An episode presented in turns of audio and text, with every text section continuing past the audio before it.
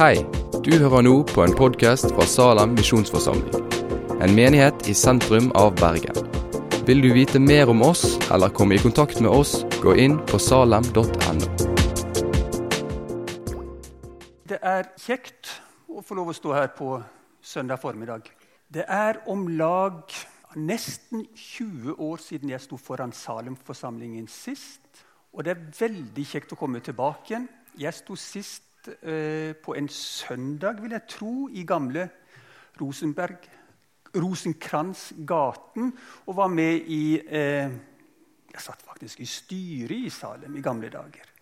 Og så har vi vært vekke i 18 år. Og så er det veldig kjekt å se og komme tilbake igjen. Nye lokaler, mange nye ansikter. Og se et kristent fellesskap som har forandret seg, adaptert seg til nye tider. Nye mennesker har kommet til, og du merker og ser at Gud får lov til å virke her. Det er veldig inspirerende og en stor takk til Gud. Og så er det et privilegium å få lov til å være en del av dette fellesskapet.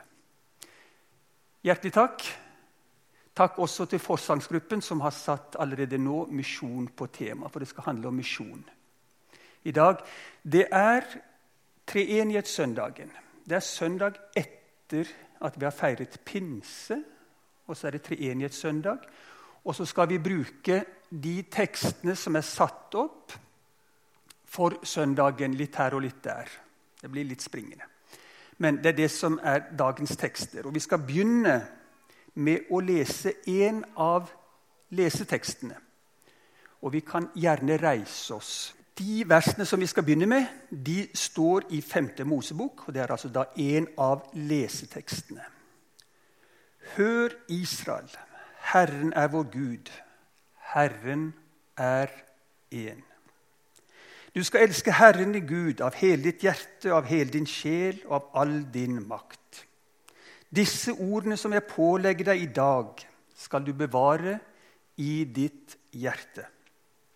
Du skal gjenta dem for dine barn og snakke om dem når du sitter i ditt hus og når du går på veien, når du legger deg og når du står opp. Du skal binde dem om hånden som et tegn og ha dem på pannen som et merke. Du skal skrive dem på dørstolpene i huset ditt og på portene dine. Vi kan sette oss.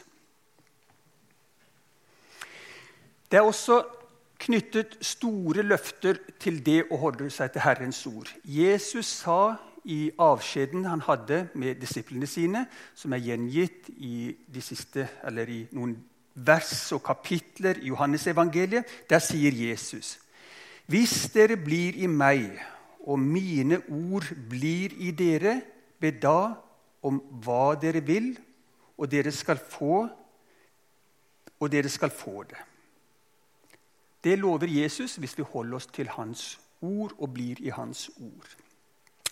Det som ofte er problemet for oss mennesker, det er at når vi stiller oss fram for Gud og vil gjøre hans gjerning, så tar vi med oss det vi har i oss av synd og dette jordiske. Gud har ikke gjort oss hellige, men han kaller oss til tjeneste, og han kaller oss til å være hans vitner. Og Sånn er det også for den som står fram og skal tale Guds ord. I dag handler det om Asle. Han har med seg sitt. Og Vi ble minnet om det i dag, om fotballstjernene, som var litt ulike. Asle han skal tale over Guds ord. Han tar med seg sin forståelse, som også er preget av mennesker. Men vi skal få lov til å legge vekt på at det er Guds ord vi er samlet det er Guds ord som skal få lov til å hvile i hjertene våre. Skal vi be om at dette blir en stund hvor Guds ord får lov til å lyde? Det jeg skal gjøre i dag, det er at jeg skal ta dere med en liten omvei før vi ender opp med dagens evangelietekst. Jeg skal ta dere med til en tale som en av våre store forbilder holdt. Talen beholdt i det som i dag er en badeby i Israel. Byen het den gangen Cesarea. Og de som var hovedtilhørende for talen, det var en jødisk konge, og så var det hans kone. Og så var det også slik at denne konen det var hans søster. Altså bror og søster var kone. Og de var barn av den store kongen, kong Herodes.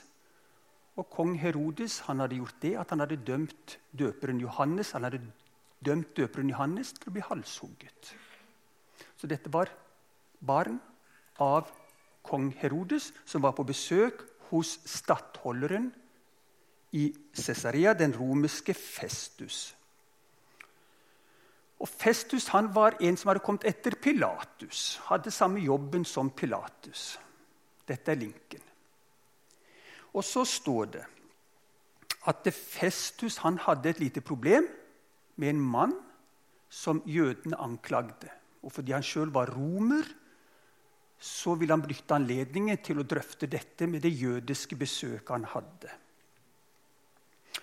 Og så sier Festus det de anfører mot ham, gjaldt noen stridsspørsmål i deres egen religion og noe om en viss Jesus som var død, men som Paulus påsto er i live. Jeg visste ikke hvordan jeg skulle etterforske denne saken, sier han. Da sier Agrippa, kong Agrippa, som er på besøk, til Festus. Jeg kunne selv ha lyst til å høre denne mannen. Og så Neste dag kom Agrippa og Benikke, Berenikke, det er konen og søsteren, i full stas og toget inn i audienssalen sammen med de øverste offiserene og de fremste menn i byen. På ordre fra Festus ble Paulus ført fram. Og Festus sa, 'Kong Agrippa, alle dere som er sammen med oss.' 'Her ser dere en mann som har fått hele denne jødiske befolkningen til å venne seg til meg både i Jerusalem og her.' 'De har høylytt forlangt at han ikke må få leve lenger.' Det står om livet til Paulus. Og så i apostelgjerningene, kapittel 26, så begynner Paulus sin forsvarstale. Og Jeg skal ikke ta dere med på hele den, men vi skal plukke noen biter av den. I sin forsvarstale så tar Paulus utgangspunkt i den opplevelsen han hadde på veien til Damaskus. Han forteller om da Jesus viste seg for ham i et strålende lys, og hvordan han fikk sitt oppdrag. Så summerer han opp ved å si Derfor, kong Agrippa, har jeg ikke vært ulydig mot det himmelske synet. Nei, jeg har forkynt, først i Damaskus og Jerusalem, så i hele Judea og for hedningene folkene, at de må angre og vende om til Gud og gjøre gjerninger som svarer til omvendelse. Det er her jeg vil at vi skal stoppe litt opp.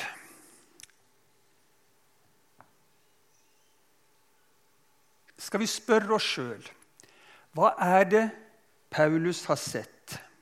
Hvilke himmelsk syn er det som han ikke kan være ulydig mot? Når Paulus sier at han ikke har vært ulydig mot det himmelske synet, hva, hva mener han egentlig? Vi som lever i dag, og som har hele Bibelen Vi forstår at Paulus gav en kortversjon av historien sin da han sto foran disse prominente folkene som hadde livet hans i hendene. Han måtte bruke tiden sin godt for de var travle, og de var godt vant med god underholdning. I apostelgjerningene kapittel 9 så gir Lukas oss sin versjon av denne historien. Det er sikkert ikke hele historien, det heller. Det er sikkert mange detaljer som er utlatt der også, men der får vi mer. I kapittel 9 så forteller Lukas om hvordan Saulus på veien til Damaskus møtte Jesus. Paulus var på vei til Damaskus for å forfølge Jesu etterfølger. Han skulle fengsle dem, han skulle gå i rette med dem og spore dem opp i Damaskus. Han hadde tidligere vært på, med på å stene den første martyren, Stefanus. Og så, på veien mot Damaskus, så møter Jesus han i et strålende lys. Et blendende lys som gjør at Paulus blir blind. Jesus selv presenterer seg for han og sier, 'Jeg er den du forfølger'. Paulus ble blind,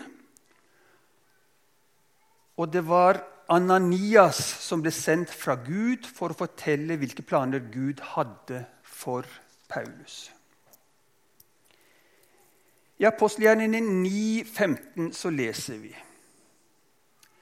Herren sa til, altså til Ananias, Gå, for jeg har utvalgt ham som mitt redskap til å bære mitt navn fram for hedningefolk og konger og for Israels folk. Og jeg skal vise ham alt han må lide for mitt navns skyld.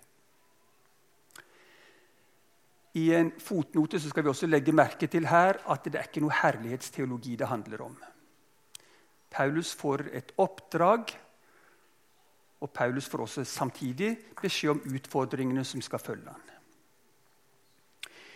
Nå, når Paulus står i Cesarea med lenker og gir sin forsvarstale for kong Agrippa og dronning Berenike og for stattholderen Festus, den romerske høvdingen Hva er det Paulus har opplevd som gjør at han kan stå der framfor datidens ledere frimodig etter 20 års misjonsarbeid, lenket og vite at livet hans henger i disse menneskenes hånd? Hva har skjedd med Paulus? Hva var det som forandret forfølgeren til å bli et Jesu vitne? Han hadde fått Den hellige ånd. Han hadde blitt døpt av Anania. La oss ta et steg videre og tillate oss et tankespill. Det er nesten litt sånn ubibelsk, men la nå det være. Nei da, det er ikke ubibelsk. Vi skal bare bruke litt eh, fantasi. Hvis Paulus hadde levd i dag, hva tror dere Paulus hadde drevet på med? Hvor, hvilken forsamling hadde han gått i? Hvor hadde vi hørt om han, eller hadde vi hørt, ikke hørt om han? Hvor hadde han hatt sitt virke hvis han fortsatt var tro mot det himmelske syn? Mot det han hadde opplevd i Damaskus, på veien til Damaskus, og kanskje noe mer. Vi skal la det spørsmålet henge. Hvis Paulus i dag sto i Salem blant oss, og han hadde spurt oss om vi har hatt et himmelsk syn Om han hadde spurt Asle om Asle har hatt et himmelssyn, eller han spør du som sitter nede i benkeradene, har du hatt et himmelsk syn som du er tro mot, som du ikke er ulydig mot? Hva skulle vi ha svart?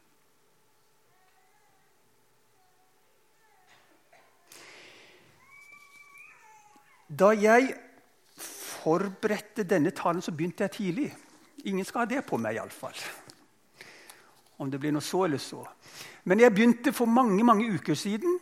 Og jeg gjorde notater underveis og tenkte og tenkte, her er vi stikkord. Så begynte jeg å jobbe med, og så har jeg jobbet med omtrent fram til hvor jeg står i dag. Altså hvor jeg står nå i talen. Og så stoppet det opp for meg. Hva er det jeg har sett som gjør at jeg kan stå framfor Gud og si ja, jeg har vært lydig mot dette synet. Jeg fant ikke på en måte broen. Jeg har strevd med dette nokså lenge.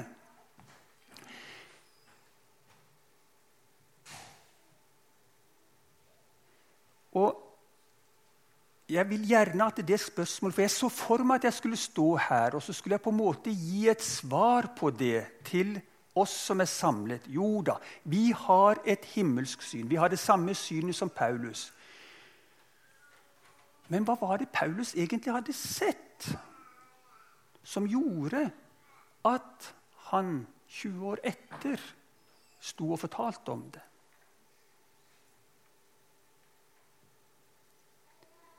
Så skal vi la, la det henge litt i dette.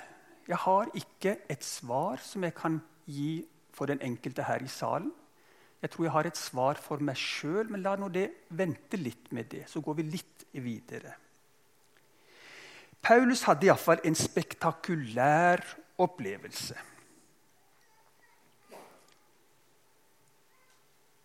Et overveldende syn. Noe som noen hver av oss kunne gjerne ha ønsket oss.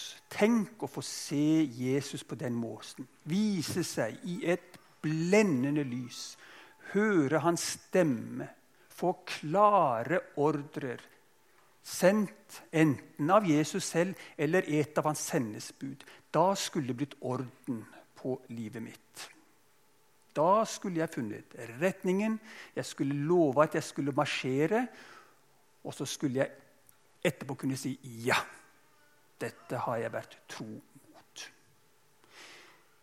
De færreste av oss tror jeg har opplevd noe sånt noe.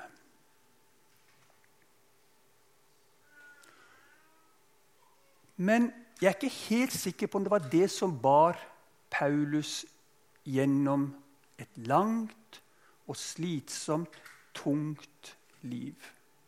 Vi kan lese i Korinterbrevet, andre Korinterbrev om hva det var han gikk igjennom. Når han skriver til Filippermenigheten, så ber han dem om å komme med en kappe til ham, for han sitter og fryser i fengsel. Det var ikke noe dans på roser det han hadde vært med på. Så når jeg skulle prøve å finne fram hva er det Paulus har sett, hva er det som gjør at han er tro mot det himmelske kall, så kunne jeg være fristet til å plukke noen vers ifra alle de brevene han har skrevet til oss. Paulus er en av de som har bidratt mest til Det nye testamentet. Han er blitt tilskrevet 13 brev. I volum er det bare Lukas som har bidratt mer til Det nye testamentet. Han har skrevet Lukas evangeliet og apostelgjerningen, men Paulus rommer ganske mye med sine brev. Og så fant jeg ett vers som kanskje gjelder mest for Paulus. Paulus skriver til galaterne i det første kapitlet Kort, enkelt, konsist hva han har fått lov å være med på. Men Gud, som utvalgte meg allerede i mors liv og kalte meg ved sin nåde, besluttet i sin godhet Og så kommer det å åpenbare sin sønn for meg for at jeg skulle forkynne evangeliet om ham for folkeslagene.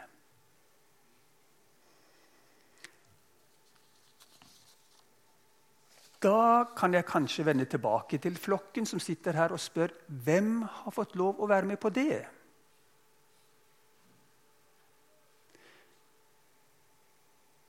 Hvem har fått Guds sønn åpenbaret for seg? Og hvem har fått sett at vi skulle forkynne evangeliet om ham for folkeslagene? Kort fortalt det er dette Paulus har opplevd og fått sett. De to tingene henger i sammen. Å få se Guds sønn og å få se oppdraget som følger med. Jeg tror kjernen ligger der. Vi som er samlet her, som har opplevd at Gud har åpenbart sin sønn for oss, har sikkert hver vår historie og hver vår måte å fortelle om hva det er som har betydd mest for oss i møte med Gud. Jeg tror vi skal snakke om temaet om hvordan Gud møter oss. Når vi snakker om det, så skal vi være forsiktige, for noen har den opplevelsen, og noen har en annen opplevelse. Noen ble født inn i et kristent hjem og vokste gradvis fram og ble modne kristne. Andre fikk en radikal omvendelse. Noen kjenner på et sterkt kall, sånn eller sånn. Andre har levd et hverdagsliv og gradvis kommet dit hvor de er i dag, hvor vi sitter i benkeradene. Men heldigvis så finnes det visse grunnsannheter som vi har felles i dette. Det er grunnsannheten som binder oss sammen, som gjør at vi sammen kan si Herren, vår Gud, Herren er én, som vi leste om i Moseboken når vi begynte i dag på talen. Dette er en av grunnpilarene. Og så har vi en annen grunnsannhet, og den skal jeg også komme til nå. For jeg vil gå, ta en liten avstikker. Og så har jeg lyst til at vi tar med oss en annen forsvarstale. Og Den kommer mye tidligere i apostelgjerningene. Nå har vi vært i apostelgjerningene 26, og vi har vært innom apostelgjerningene kapittel 9. Og nå går jeg raskt over til kapittel 4. Og dette handler om da Peter og Johannes hadde vært i tempelet. Og så hadde de helbredet en mann som satt i buegangen. Og Det gikk ikke, det skulle trodd var en suksess, og de skulle bli møtt med applaus. Men Det høye råd, som kanskje noen måneder tidligere hadde dømt Jesus til døden, de brakte dem inn på teppet og ville ha et oppgjør med dem. Sånt ville de ikke ha noe av. Og så er det at Peter og Johannes står for Det høye råd og sier Men Peter og Johannes svarte dem, døm selv om det er rett i Guds øyne å adlyde dere mer enn ham. Men vi kan ikke la være å tale om det vi har sett og hørt. Og så sier de litt lenger oppe det finnes ikke frelse i noen annen, for under himmelen er det ikke gitt mennesker noe annet navn som vi kan bli frelst ved. Dette er apostler, Jesu disipler, tidlig i karrieren, som har sett dette. De har fått møte Jesus. De er nå på egne ben. Ikke helt riktig, for pinsen har vært der. Den hellige ånd har de fått, som har åpenbart dette for dem. Og Nå står de frimodige framfor Det høye råd og sier vi kan ikke la være. Fordi det finnes ikke frelse i noen annen. For under himmelen er det ikke gitt mennesket noe annet navn som vi kan bli frelst ved. Senere så skriver Peter Og da sakser jeg ifra den andre leseteksten vi har i dag, på treenighetssøndagen. Paulus, nei, Peter skriver i første Peters brev. I moden alder så skriver han.: Men dere er, ut, er en utvalgt slekt, et kongelig presteskap, et hellig folk, et folk som Gud har vunnet for at dere skal forkynne Hans storverk. Han som kalte dere fra mørket og inn i sitt underfulle lys.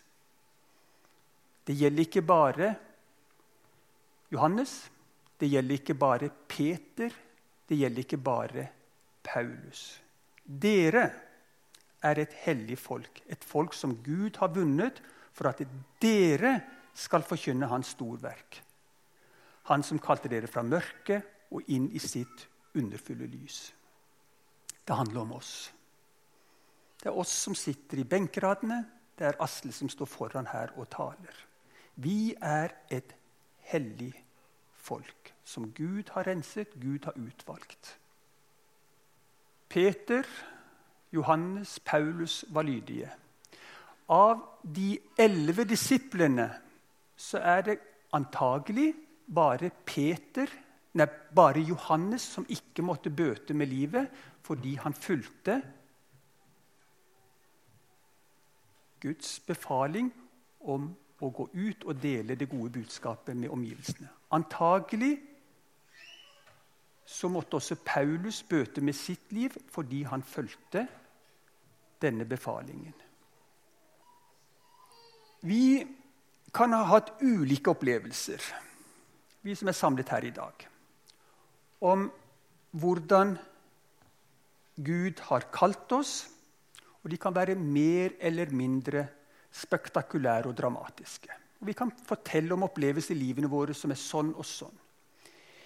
Jeg har min historie.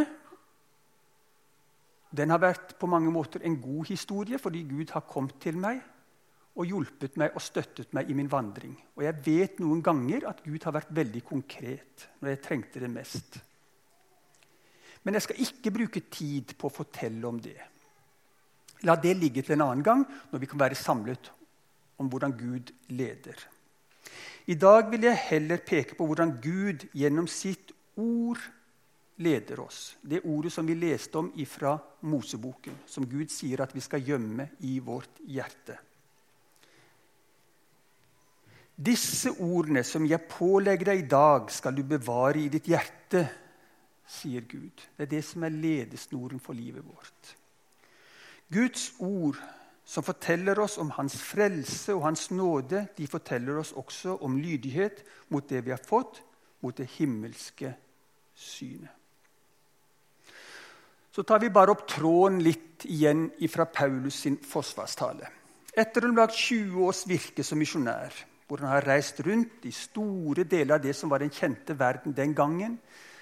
Vært i fare, i brottsjø, opplevd alt det som vondt kunne være. Ja, helt døden nær, som han skriver om i 2. Korinterbrevet. Hvor han sier at han er skjelven, han er svak, han er ynkelig. Denne Paulus står da altså foran dette fine fornemme selskapet, og så sier han derfor kong Agrippa. Kong Agrippa var ikke et rollemønster. Derfor kong Agrippa, har jeg ikke vært ulydig mot det himmelske synet. Nei, jeg har forkynt, først i Damaskus og så i Jerusalem, så i hele Judea og for hedningefolkene, at de må angre og vende om til Gud og gjøre gjerninger som svarer til omvendelse. Dette er Paulus som står der. Vi som går i Salem, som har fått lov å gå her over år Vi har fått lov til å være med på noe av dette som Paulus snakker om. Jeg eh, skal ta dere med på en avstikker til Etiopia.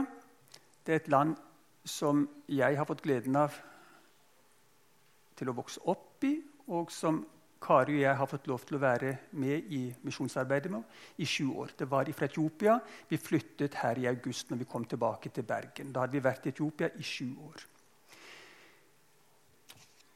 I Etiopia så har vi som NLM fått lov å være med på et av de største misjonsundrene vi kjenner til.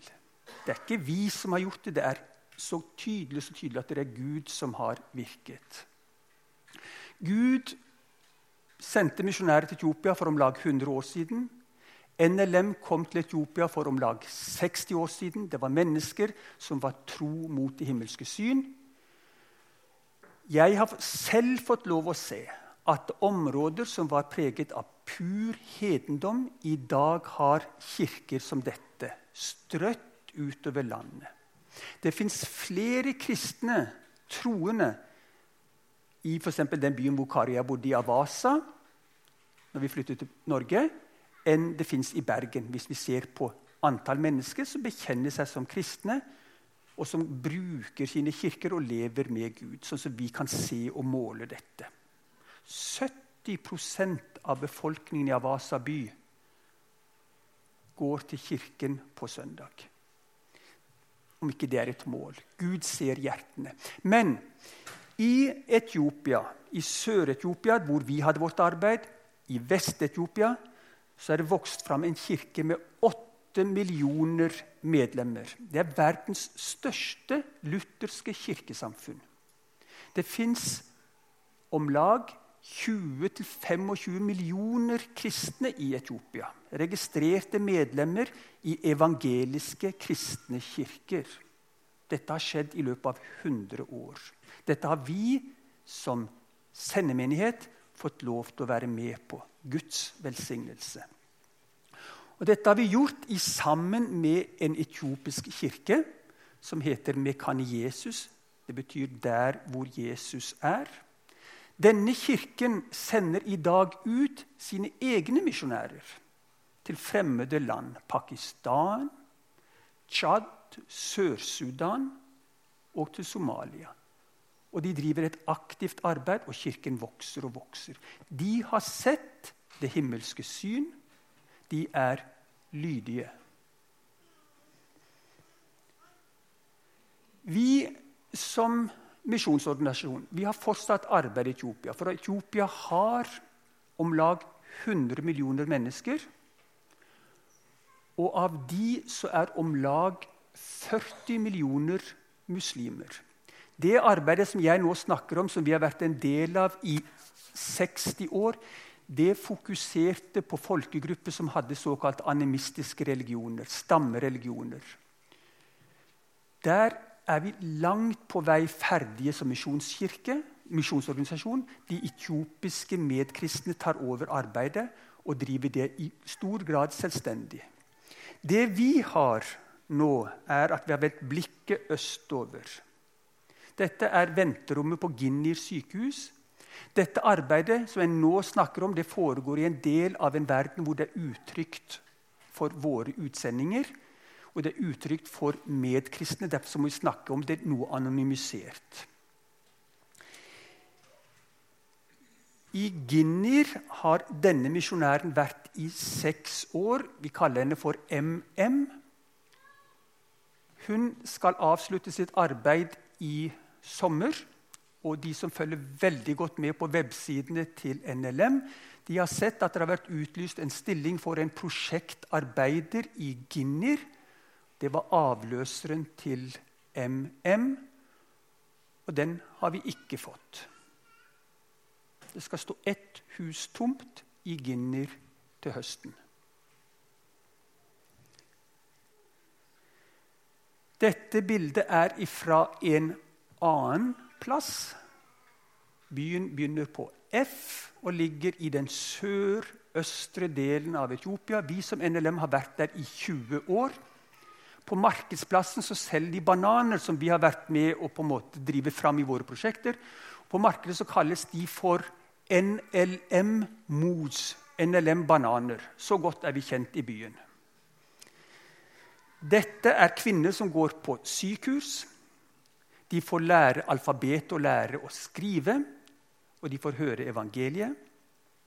Dette er en del av Etiopia hvor det er tørke. og Når dere hører om sult og katastrofer i Etiopia, så er det dette området vi er med på et vannprosjekt som viser Guds kjærlighet, Guds omsorg for mennesker. Og det kanskje fineste er at vi har et internat hvor den lokale befolkningen får lov å sende sine barn. De kommer fra et stort distrikt. Det fins gutter og jenter som bor der, får hjelp med lekser, og så går de på den offentlige skolen. Det eneste kan jeg si for min del, skåret i gleden, er at vi har tre misjonærboliger som står tomme.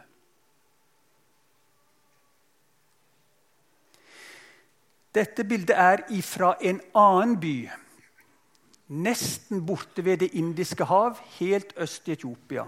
Og Dere kan se tårnet i bakgrunnen som viser hvilken religion som dominerer der. Er minaret. I den byen har vi begynt et nytt arbeid for om lag tre-fire år siden. Byens folkelivet er spennende.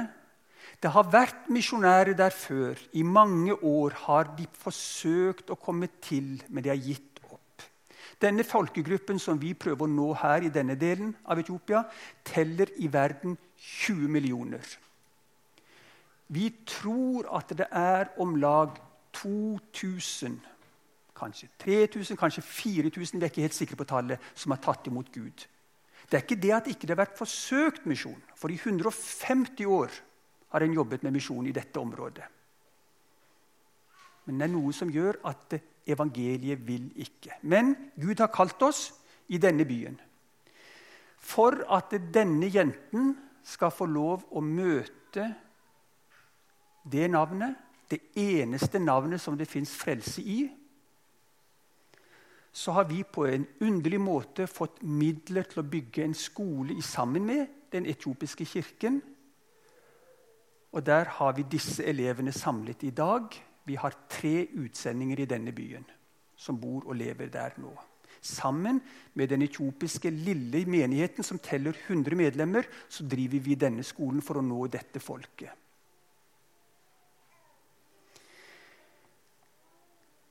Dette er folket som jeg ville legge inn over dere i dag. Dette arbeidet. Dette er månedens misjonsland, dette arbeidet i Etiopia. Så skal vi helt til slutt reise oss, og så skal vi lese dagens tekst, som dette har handlet om. Mot slutten av sitt virke så hadde Jesus noe viktig han ville si til disiplene sine. Han kunne ikke forlate dem før han hadde gitt dem de siste instruksene. Så sier han, 'Kom, nå skal dere gå opp på et fjell i Galilea. Der skal jeg komme. Så skal jeg møte dere der, og så skal dere få høre de siste ordene jeg har å fortelle dere. Så reiser vi oss, og så skal vi lese de siste ordene Jesus delte med sine disipler.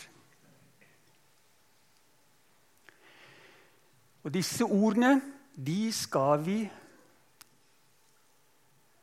bevare i våre hjerter, som Gud har befalt oss. Men de elleve disiplene dro til Galilea, til fjellet der Jesus hadde sagt han ville møte dem. Og da de fikk se ham, falt de ned og tilba ham. Men noen tvilte. Da trådte Jesus fram og talte til dem. Og hva sier han? Jeg har fått all makt i himmelen og på jorden. Gå derfor og gjør alle folkeslag til disipler. Døp dem til Faderen og Sønnen og Den hellige ånds navn og lær dem å holde alt det jeg har befalt dere. Og se, jeg er med dere alle dager inntil verdens ende. Må Gud gi oss at vi en dag skal stå framfor Hans trone med alle folkeslagene rundt oss og kunne si ja, vi var ikke ulydige mot det himmelske syn. Takk for at du har hørt på podkasten fra Salem, Bergen. I Salem vil vi vokse i et stadig dypere fellesskap med Gud og med hverandre. Vi vil være Jesu hender og føtter, og vi vil være med og forkynne frelse for Bergen og resten av verden. Besøk oss gjerne på salem.no om du vil vite mer.